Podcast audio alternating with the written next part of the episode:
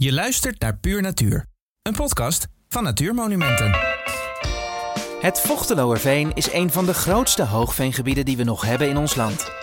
Net als andere natuurgebieden heeft ook het hoogveen te kampen met een laag waterniveau. De klimaatverandering laat zich gelden.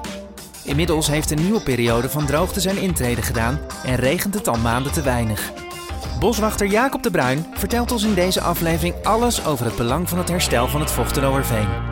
En waarom dat goed is om droogte en hevige regenbuien op te vangen. We zijn hier eh, vandaag in het Vochteloverveen met boswachter Jacob de Bruin. Jacob, kun je jezelf even voorstellen? Zeker. Ik ben eh, Jacob de Bruin, boswachter ecologie in uh, Zuidoost-Friesland. Ja, vooral bezig met het Vochteloverveen. En kun je dan ook het Vochteloverveen even voorstellen? Vochteloverveen is een van, nou misschien wel de, het mooiste hoogveengebied van Nederland. ook het, het grootste. Het is een gebied van in totaal 4000 hectare, waarvan 1500 hectare nog bestaat uit hoogveen. En uh, dat is wel heel bijzonder. Nederland bestond vroeger ooit voor de helft uit hoogveen. Er is bijna niks meer van over. En het is het, uh, een, het laatste gebied waar je nog kan zien hoe dat eruit ziet. Het is dus een gebied met specifieke omstandigheden. Um, en, en, wat voor omstandigheden zijn dat? Het is vooral uh, nat en voedselarm. Dat zijn denk ik wel de belangrijkste omstandigheden. Um, het is een vrij uh, barre omstandigheid voor veel uh, soorten. Dus de soorten die hier voorkomen, die hebben zich ook aangepast aan die omstandigheden. En zijn ja, daardoor ook vrij snel al heel zeldzaam. Omdat er nog maar weinig van dit soort gebieden zijn. Ja, precies. En over wat voor planten en dieren hebben we het dan? Uh... Nou ja, bijvoorbeeld het, de, de, dagvlindertje, het veenhooibeestje. Dat is een soort die uh, bijna in heel Nederland is uitgestorven. Het vliegt op een paar plekjes in Drenthe. En in het Vogeloveen zit echt nog een grote populatie. En dat is echt de laatste grote populatie van Nederland. En is uh, helemaal afhankelijk van hoogveen. Maar ook ja, de kraanvogel natuurlijk. Een bekende vogel die hier 20 jaar geleden weer is gaan broeden. Ja, die vindt in het veen een veilige broedplek. Omdat het gewoon nat is. Moeilijk toegankelijk voor predatoren. En daar kan hij veilig zijn nest maken en zijn eieren uitbroeden. En dat zijn de nou ja, meest bijzondere die, die ja, weet je, er zijn bijna te veel om op te noemen. Uh, als je bijvoorbeeld hebt over rode lijstsoorten, hè, dat zijn de soorten die bedreigd zijn in Nederland, komen er hier uh, meer dan 330 rode lijstsoorten voor. Um, dus ik vind het altijd moeilijk om er een paar uit te pikken. Maar bijvoorbeeld reptielen is misschien ook wel een, een groep Um, die heel bijzonder is. Want alle in Nederland voorkomende slangen, dat zijn er drie stuks. De ringslang, de gladde slang en de adder, die komen hier alle drie voor. Ook in uh, behoorlijke aantallen. Dus dat is ook wel echt heel bijzonder. Nou, hebben veengebieden, wordt gezegd, de kwaliteit om um, ons te helpen uh, de effecten van klimaatverandering te dempen. Hoe zit dat? Ja, op vele manieren. Het is denk ik, een, uh, het belangrijkste is dat het een soort superspons is. Ehm, eh, het hoogveen wordt voornamelijk gemaakt door veenmos. Een gezond hoogveen bestaat ook voor ongeveer de helft uit, uit veenmos. En veenmos is een, een plant die, die, die, die kan enorme hoeveelheden water vasthouden. Tot wel 40 keer in zijn eigen uh, drooggewicht, zeg maar. En dat zorgt ervoor dat, dat dus de, een, een hele heftige bui, die, die kan enorm worden gedempt door een hoogveen. Want het water wordt tijdelijk opgezogen, het veen zwelt op noemen ze ook wel de veenademhaling. Eh, de veen kan als het ware opzwellen en als het er weer droger is, dan krimpt het weer. En op die manier uh, uh, ja, buffert het de weersextremen. Daarnaast ehm, houdt het heel veel CO2 vast. En het kan zelfs ook, als het, het hoogveen echt groeit, kan het ook CO2 uit de atmosfeer halen. Ehm, dus daarmee verlaagt het ook de broeikasgassen gassen in de atmosfeer. En het is een, een, eh, een gebied wat heel verkoelend werkt. Een hoogveen neemt ook heel veel warmte op, eh, net als elk moeras eigenlijk. Dus het is ook een soort uh, natuurlijke airco, zeg maar. Maar die, die, die kwaliteit om CO2 op te, staan, want, op te slaan, dat is iets waar we nog wel behoefte aan hebben, lijkt me.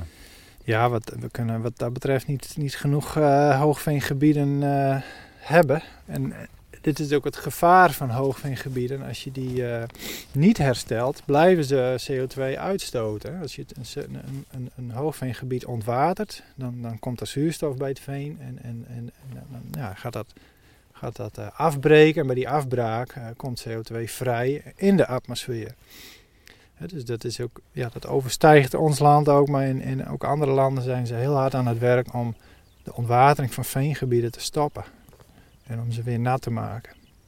Zodat ze niet alleen die CO2 vasthouden, maar zelfs nog uit de atmosfeer opnemen. Ja, zodra veenmossen weer gaan groeien, dan zie je dat er echt uh, CO2 uit de atmosfeer wordt gehaald. En klopt het dan dat, dat veen wat dat betreft effectiever is of, of, of, het vergroten van veen effectiever is dan het aanplanten van bos? Uh, zeker, een hoogveen kan uh, meer CO2 vastleggen dan een bos, ja, klopt.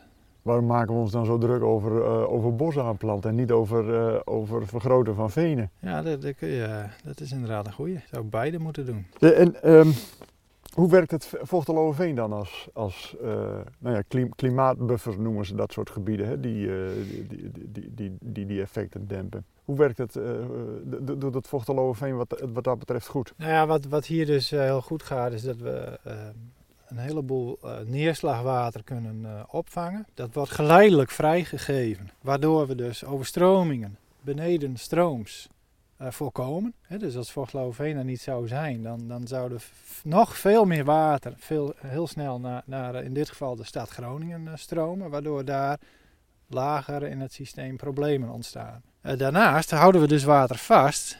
Nou, het is nu eind maart en het is nu al, uh, wat er al in het nieuws gesproken over extreme droogte. Wij hebben hier nog heel veel water vastgehouden en we zorgen ook dat het dat water zijpelt heel langzaam in de, in de grond weg, waardoor het, het grondwater ook wordt aangevuld. Dus we helpen ook droogte te verminderen, zeg maar. Want ja, anders dan, als we het water heel snel afvoeren en we, en, en we gooien dat binnen een paar dagen in de Waddenzee, zijn we het wel kwijt, het zoete water.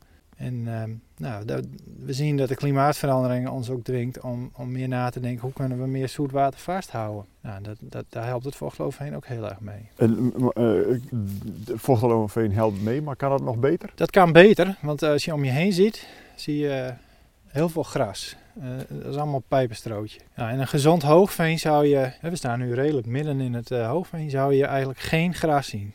Dat zie je aan de rand van het hoogveen, maar niet in de kern. Wat zouden we wel zien? Heel veel veenmos, hè, dus, dus meer dan de helft van, van, van de begroeiing. Uh, met wat heide en, en, en ja, echt specialistische planten die zich in een hoogveen uh, kunnen, kunnen manifesteren. Maar wat dat gras dus doet, is dat het, uh, het, het, het, het verkwanselt eigenlijk water. Het, ver, het verdampt veel meer water dan veenmos. Want veenmos, heide en alle hoogveenplantjes die hebben allerlei slimme trucjes om zo weinig mogelijk water te verbruiken. Dus als de zon gaat schijnen, keren ze bijvoorbeeld hun blaadjes om. De onderkant van de blaadjes zijn wit, waardoor ze met het albedo-effect minder uh, opwarmen, minder water verdampen. Nou, ze hebben allerlei plantjes zich aangepast om, om gewoon efficiënt met water om te gaan. En grassen zoals pijpenstrootje, maar ook berken, ja, die verkwanselen veel meer water. Dus in die zin uh, is dat iets wat nog niet goed is in het vochtgeloofheen. En dat heeft te maken met stikstofdepositie. Dat zorgt ervoor dat de grassen uh, ja, uh, veel talrijker zijn dan eigenlijk zou moeten. En dat heeft ook te maken met waterstanden die nog te veel op en neer gaan of te laag zijn. En dat komt weer door lekkages die we dus op dit moment willen gaan repareren. Een deel van het probleem is dus dat het water hier uit het gebied wegloopt en dat je daar in feite kunstmatige oplossingen voor, uh, voor moet, moet maken. Maar hoe kan het dat dat het Vochteloverveen zoveel hoger ligt uh, dan zijn omgeving, waardoor al dat water wegloopt. Nou, een hoogveen, de naam zegt het al, dat zijn, dat zijn venen die, die, die uh, zeg maar, uh, boven de grondwaterspiegel zijn gegroeid. Dus zijn afhankelijk van regenwater. En dat regenwater blijft hier staan omdat in de ondergrond zit een, een ondoorlatende laag. En dat is in dit geval hier is dat keileem. Dus, dat, is, hier ontstaan uh, tijdens de ijstijden. Nou, dat zorgt ervoor dat hier water blijft staan en dat heeft um, nou, zo'n 9000 jaar geleden ervoor gezorgd dat hier langzaam maar zeker veen is gaan groeien. Dus het, veen wat je hier om ons heen ziet, dat, dat, dat is in feite, een, als je het zou, kunnen, uh, zou beschouwen als een organisme, is een organisme van, van, van, van uh, duizenden jaren oud. Nou, op die manier ontstaat er langzaamaan veen en dat, dat, dat houdt steeds beter het water vast.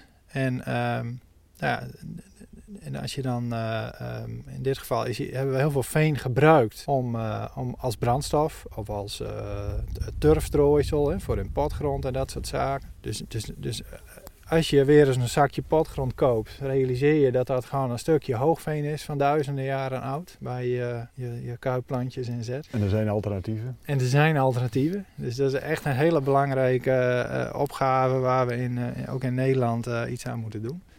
Goed, dat terzijde. Dus hier is heel veel veen gewonnen en dat zorgt ervoor dat het veen gewoon echt zwaar beschadigd is. En, en, en, en dat het water er aan alle kanten uitloopt. En dat, dat heeft ons ertoe gedwongen om al, om al, al, al decennia lang met kunstgrepen, met, met damwanden en dergelijke, dat water vast te houden. En dat werkt best goed, want we zien wel, ondanks dat het, dat het, uh, het, het, uh, het veenmos benadeeld wordt door stikstofdepositie, zien we toch een, een, langzame uitbreiding van veenmos. En dat, dat heeft te maken met dat we die waterstanden uh, goed weten te krijgen. Maar goed, het, je zit hoog, dus het water blijft eruit lopen. Dat, dat moet ook, alleen niet te veel. Je wil het zo, zo lang mogelijk in het gebied vasthouden. Maar als ik het goed begrijp, was Veen is nu, er wordt wel eens een vergelijking gemaakt met een omgekeerd soepbord. Ligt er ja. een omgekeerd soepbord Klopt. in het landschap. Klopt. En, maar da, daaromheen was vroeger ook allemaal veen. Ja, het dat is, is is, eh, wat ik zei, het is, het is nu nog 1500 hectare hoogveen. Maar je moet je voorstellen, ooit was dit een, een- waren dit de smildige venen en dat was een hoogveengebied van 15.000 hectare. En dat functioneerde als één geheel. En daar hebben we dus enorme happen uitgehaald. Eh, dat hebben we gebruikt. En dit stukje is er nog van over. En om in dat stukje die, die, diezelfde watercondities te creëren, ja, dat vergt wat kunstgrepen. De kern van ons hoogveen, dat is, ja, dat noem ik altijd een beetje de heilige graal, of het centrale compartiment, hebben we ooit kunnen eh, aankopen in 1938. Eh, dat ligt op, op zo'n 12, ruim 12 meter boven NAP. Maar als je het landbouwgebied hebt, wat een klein stukje verderop ligt, dat ligt op 5 meter boven NAP. Dus dan heb je een enorm hoogteverschil. En we willen op die 12 meter boven NAP willen we wel een, een, een, een hele natte situatie creëren. Dus je kan je wel voorstellen dat dat best eh, lastig kan zijn.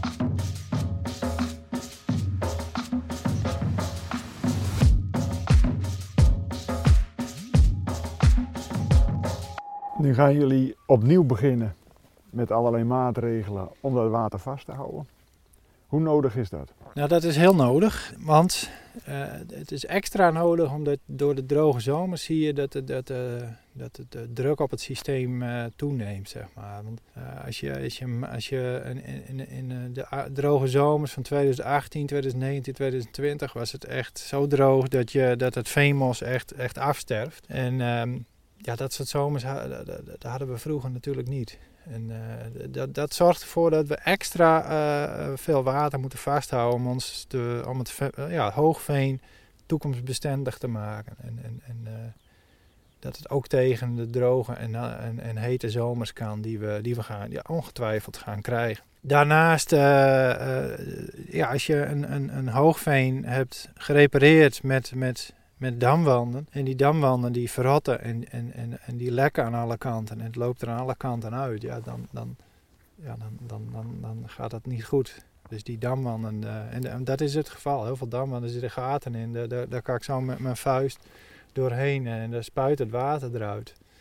Eh, Dat is op dit moment hier aan de hand. eh, op, op, op, op, op misschien wel, wel 50 locaties. Dus dat maakt het urgent dat we zo snel mogelijk die kaders gaan repareren. Zodat we het, het, het water wat er uitstroomt beperken tot een, eh, tot een minimum. Ik neem aan dat je met dat herstel ja, ja, ja, het leefgebied van, van de, de, de planten en dieren die hier voorkomen wilt behouden en Ja. versterken. Z- Zijn er van die 330 eh, rode lijstsoorten als soorten die op het punt van verdwijnen staan? Jazeker, ja. Ja, vooral het veenhooibeestje is een soort die, eh, die, die staat onder druk. Met name omdat dit straks waarschijnlijk de laatste populatie is van Nederland. Dus je krijgt wel gewoon problemen met, eh, met de uitwisseling eh, tussen andere populaties. Gelukkig is vochtloofveen best groot. Dus veel soorten hebben een redelijk robuuste populatie hier. Maar als het veen eh, verdroogt, ja, we, zien nu bijvoorbeeld dat het een aantal veenmossoorten die, die hier al altijd zijn gevonden, die kunnen we de laatste jaren niet meer terugvinden. Dus ja, we maken ons echt wel zorgen over het, het, het, het uitsterven van soorten. En, en die soorten die hier dan uitsterven, dat zijn ook soorten die, ja, die, die, eh, die, die hebben het vochtloofveen altijd gebruikt als een soort refugium, als laatste plek. En als ze hier uitsterven, ja, dan is het, eh, is, is in heel Nederland gebeurd. Dus ja, we hebben wel een, een grote verantwoordelijkheid voor een aantal eh, eh, soorten van hoogveen, maar ook soorten van wat natte heide. Bijvoorbeeld een, een heidehommel dat is ook een soort die hier vrij veel voorkomt. Nou, dat is ook een zeldzame soort. Maar ook een, een veenmier. Dus het zijn niet altijd eh, hele eh, grote aansprekende soorten als een kraanvogel, maar ook heel veel insecten bijvoorbeeld. Waar eh, veel mensen het bestaan niet van weten. Maar die hebben hier al die tijd nog kunnen overleven en, en komen bijna nergens anders meer voor. En die allemaal met elkaar wel de basis van de voedselketen zijn. Precies, ja, ja klopt. En hoe gaan jullie dat herstel aanpakken? Nou, hoe we dat gaan aanpakken is, we hebben er natuurlijk heel erg lang over nagedacht. En, maar die kaders vormen wel de basis van het systeem. Hè. We, we, hebben een, ehm, het Vochtloofheen lijkt één groot eh, eh, gebied, maar in werkelijkheid bestaat het uit allerlei, ja, we noemen dat compartimenten. Allemaal afgesloten bakjes met water. En daarbinnen proberen we de waterstand zo te krijgen dat het hoogveen eh, kan groeien. Nou, die bakjes zijn dus lek. Die moeten we repareren. Nou, dan kun je dat op allerlei verschillende manieren doen. We hebben alle manieren afgewogen. Eh, we hebben gekozen voor de meest toekomstbestendige manier. En dat is een kade maken van zand. En eventueel aangevuld met een, eh, met een leemlaag om het water dichter te maken.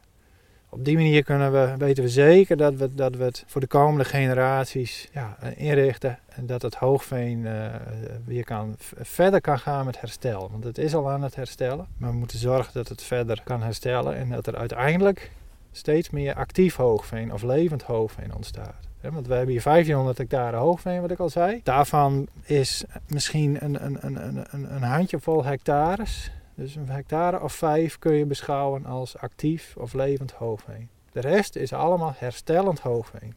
En actief of levend wil zeggen dat het weer aangroeit. Actief of levend hoogveen, dat wil zeggen dat het inderdaad aangroeit en dat, dat veenmossen een bedekking hebben van, van, van, van ongeveer 50%. Maar dat ook vooral, want je hebt veenmossen en je hebt heikikkers. oh, ik hoorde heikikkers op de achtergrond, sorry, ik afgeleid. Eh, je hebt veenmossen en. Je hebt veenmossen die groeien in het water, bijvoorbeeld waterveenmos. En je hebt veenmossen die groeien in, in slenken. En het gaat vooral om eh, de bultvormende hei... eh, ik ben helemaal in de war van die heikikkers. bultvormende veenmos. Die zijn, eh, die zijn heel belangrijk en die, die komen voor in dat actieve hoofdveen. Dat zijn veenmossen die zijn in staat om in, in bulten te groeien. En die kunnen de, de, de optimale omstandigheden creëren voor een... eh, actief of levend hoogveen. En daar hebben we dus echt maar een paar hectare van in heel Nederland. En, en, en, en hier ligt dan een, eh, een handjevol hectares en dat willen we heel graag uitbreiden. Want dan, dat is een, een, een zelfregulerend systeem. Dus als, als dat werkt, dan, dan, eh, ja, dan, dan zijn we klaar. Dan hebben we het hoogveen beschermd, zeg maar. En hoeveel kader moet er dan aangelegd worden? Heel veel. Ja, dan moet je echt wel denken aan, eh, aan een kilometer of veertig. 40. Ja. En die, de, dat, die komen rondom het gebied of eh, door? Ook er dwars doorheen. Ja. Ja. omdat ja, die compartimenten die liggen echt door het hele gebied. Om, om die stapjes zeg maar, van het verschil in waterstanden. eh, dat zijn, we proberen die stapjes zo klein mogelijk te maken. Dus je moet je voorstellen, het hoogste compartiment heeft dan een waterpeil van 12,5 meter. Het vakje daarna heeft een waterpeil van 12 meter. Het vakje daarna heeft een waterpeil van 11,5 meter. Nou, zo zak je naar het peil van een meter of 5, 5,5 wat het geval is in de omringende landbouwgebieden. En op die manier eh, creëren we een geleidelijke overgang en, en een, eh, ja, eh, ook een soort waterbuffer voor de centrale delen. En dan varieert die waterstand het, het, het, het, het, het minst. Want dat is het belangrijkste eigenlijk van een hoogveen. Je, je moet, je moet het, het moet nat zijn, maar het moet ook vooral een, een, een stabiele waterstand zijn. Dus als het, als het in de winter hartstikke nat is en in de zomer hartstikke droog, dan, dan, dan gaat het nooit lukken. Dus het, moet, het moet, mag maar eh 20, 30 centimeter zakken in de zomer eigenlijk. En daar zit de crux. Dat is het moeilijkste. En dan heb je straks die kaders. Is het verhaal dan af? Als, eh, ja, nou wat ik zeg, als, als het actieve hoogveen zich uit kan breiden, dan, dan heb je het echt wel over een zelfregulerend systeem. En dan kunnen wij steeds meer eh, achterover gaan leunen als het ware. Maar het Vochteloverveen als hoofdveen blijft dan als een geïsoleerd gebied. Eh, nee, ja, daar in- heb je helemaal gelijk. In het landschap liggen. Het is een groot gebied, maar helaas is het een geïsoleerd gebied. Dus de gladde slangen die hier voorkomen, kunnen niet uitwisselen met een andere gladde slangenpopulatie. Dus ze zitten hier wel in de omgeving. Of bijvoorbeeld een adder, die is nou iets talrijker in de omgeving. Maar wij hebben hier heel veel adders. Een gebiedje wat een kilometer verderop ligt. Waar adders zitten, kunnen die adders niet komen. Want er zit een weg tussen, er zit een kanaal tussen, er zitten landbouwgebieden tussen. Dus die verbindingen, dat is echt nog een grote opgave om te zorgen dat, dat we ook dat soort soorten voor de, voor de toekomstige generaties kunnen behouden. En nou leeft hier al een, een poosje ook het, uh, uh, het idee om het Vochteloverveen naar het noorden toe te verbinden met de Wadderzee. Ja, van veen tot zee. Van veen tot zee. Dat is nogal een plan. Ja, dat is wel een plan met, uh, met heel veel perspectief. Want daar kun je gewoon heel veel maatschappelijke opgaves in kwijt. Het, het, het zorgt ervoor dat, het, dat, het, dat er een robuust natuurnetwerk ontstaat. Waardoor, je, waardoor dieren kunnen, uh, kunnen bewegen binnen die gebieden. Hè, waardoor dieren... Dan zorg je al voor, voor verbindingen voor die slangen bijvoorbeeld. Bijvoorbeeld, ja. Maar ook zorgt dat ervoor dat je je, je watersysteem zo kan inrichten. Dat je, dat je, dat je de, de om kan gaan met de, de klimaatverandering. Want we, we, gaan veel meer hevigere buien krijgen, wat, wat resulteert in overstromingen als wij daar niet iets op verzinnen. En als je een heel beekdal gebruikt, zoals een beekdal natuurlijk functioneert, door daar water in vast te houden, dan uh, kun, je, kun, je dat, kun je voorkomen dat, dat, dat steden en dorpen uh, onderstromen.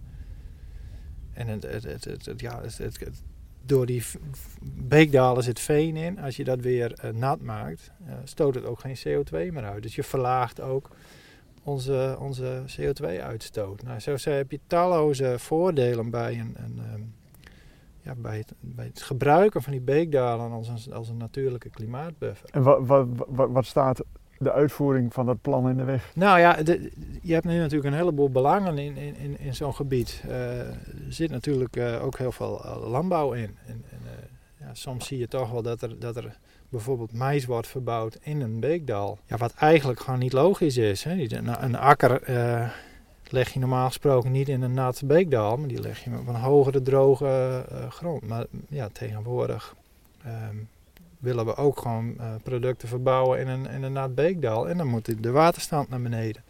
Nou, dat soort belangen, dat, dat, dat is een beetje lastig te combineren met een beekdal waar je water wil uh, vasthouden. Dus ja, daar zullen we een, een, een manier in moeten vinden om, uh, om, om die combinaties te maken. Misschien met natte landbouw of... of dus het, het, het, het, dwingt ons om, om na te denken om anders met onze, onze landgebruik om te gaan. En dat moet toch al vanwege de stikstofuitstoot.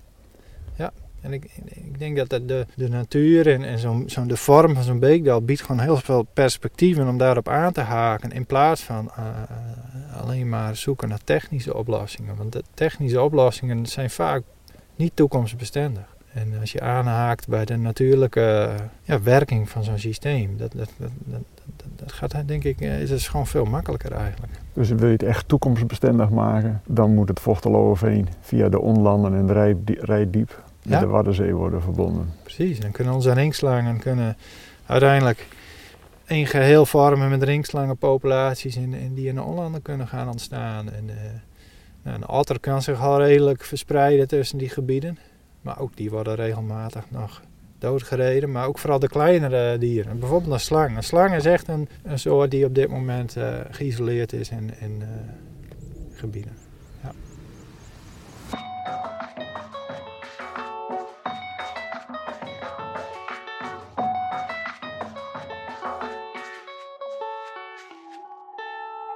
Ja. Dit is dan een Vemos soort.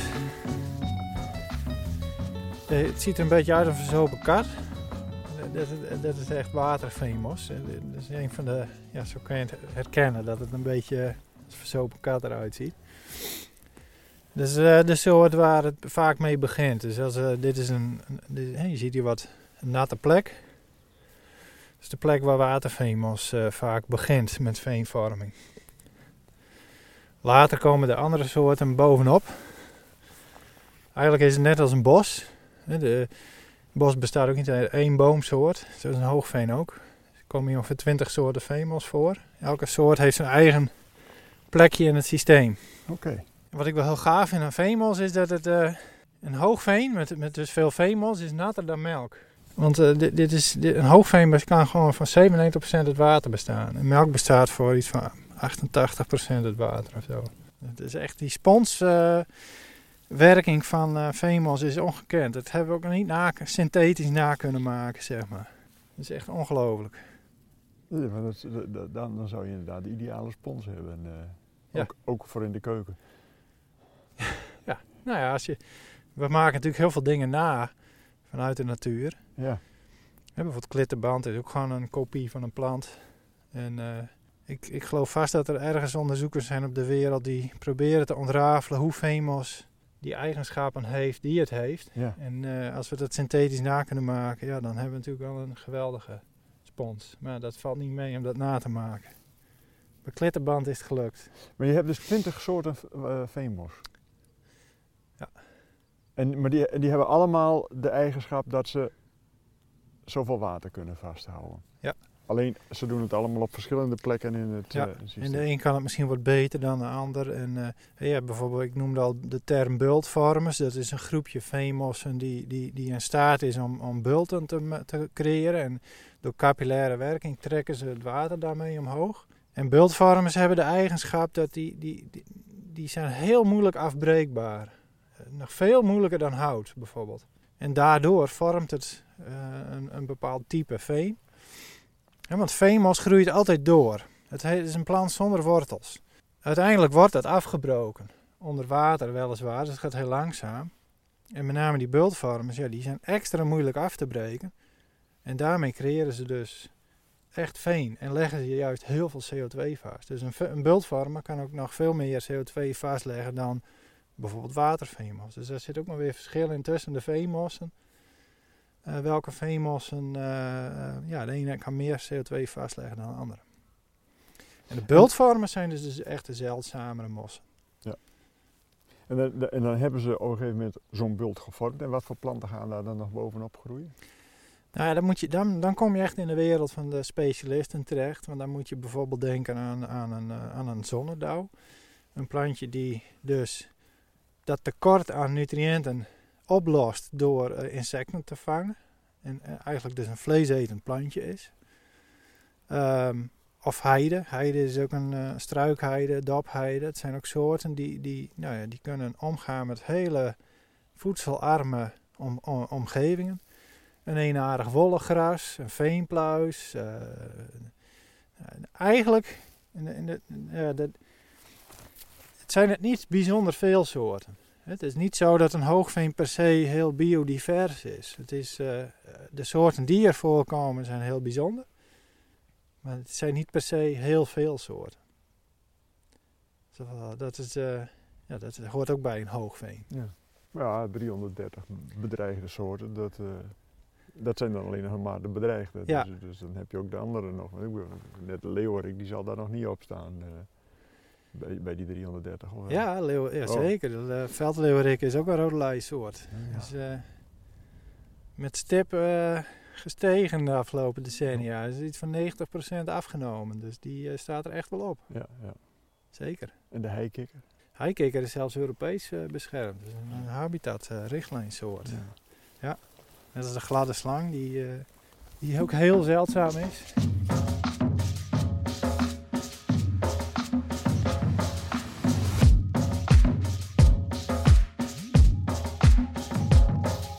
Ja, dit is, dit is niet echt een bultvormer, maar je ziet wel dat dit een... eh, ziet er Oh ja, wat anders is een uit. Duidelijk andere soort, ja. ja. Dat is gewimperd. Een soort die ook wat beter om kan gaan met stikstof. Dus die doet het eh, best wel goed.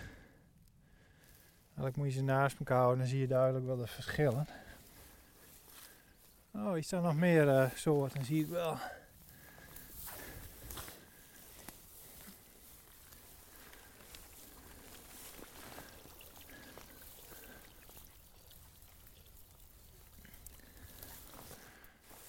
Dit zijn er drie soorten.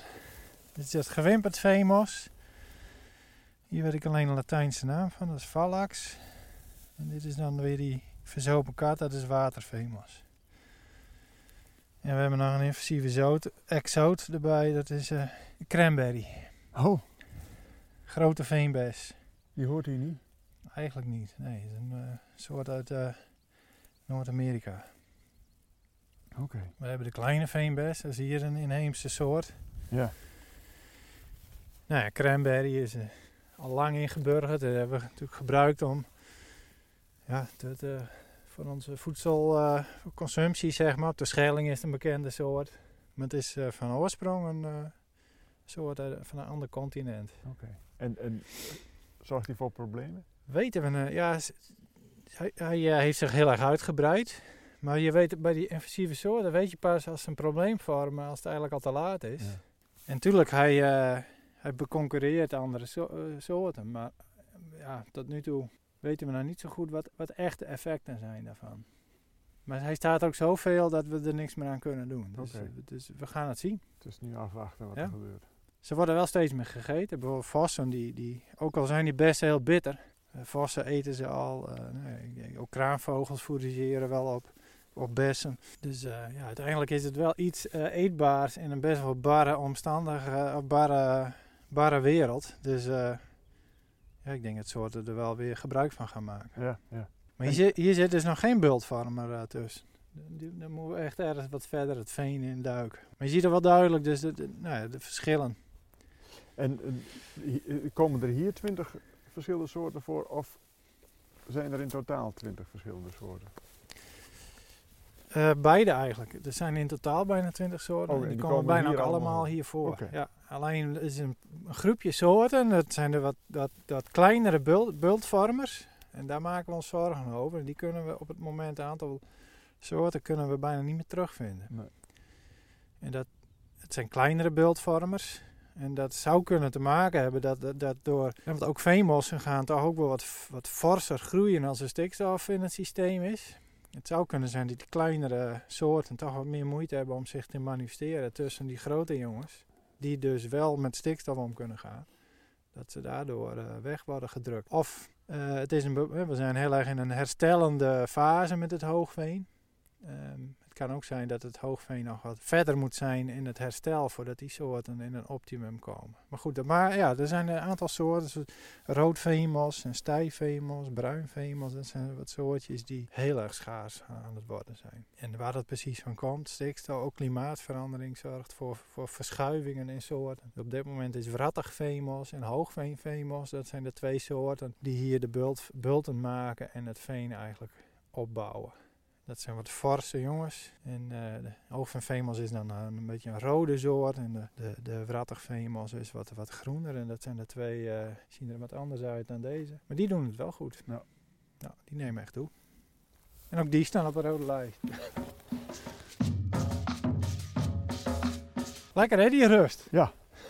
En ook een mooie horizon. Je ziet eigenlijk maar een paar eh, dingen. eh, je ziet daar de. Even zien, waar zag ik hem nou? Daar zie je de, een flatgebouw. Dat is de, de kantoor van de politie in Assen. Oké. En dan zie je de antenne van Hoge Smilde. Ja. En meestal zie je de uitkijktoren in Appelscha. En je ziet daar nou wat boerderijtjes, maar eh, enkele.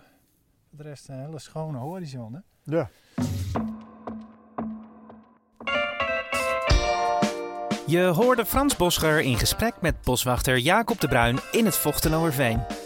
Wil je meer weten over dit gebied? Kijk dan op www.natuurmonumenten.nl slash Vochteloerveen. Wil je geen aflevering van deze podcast missen?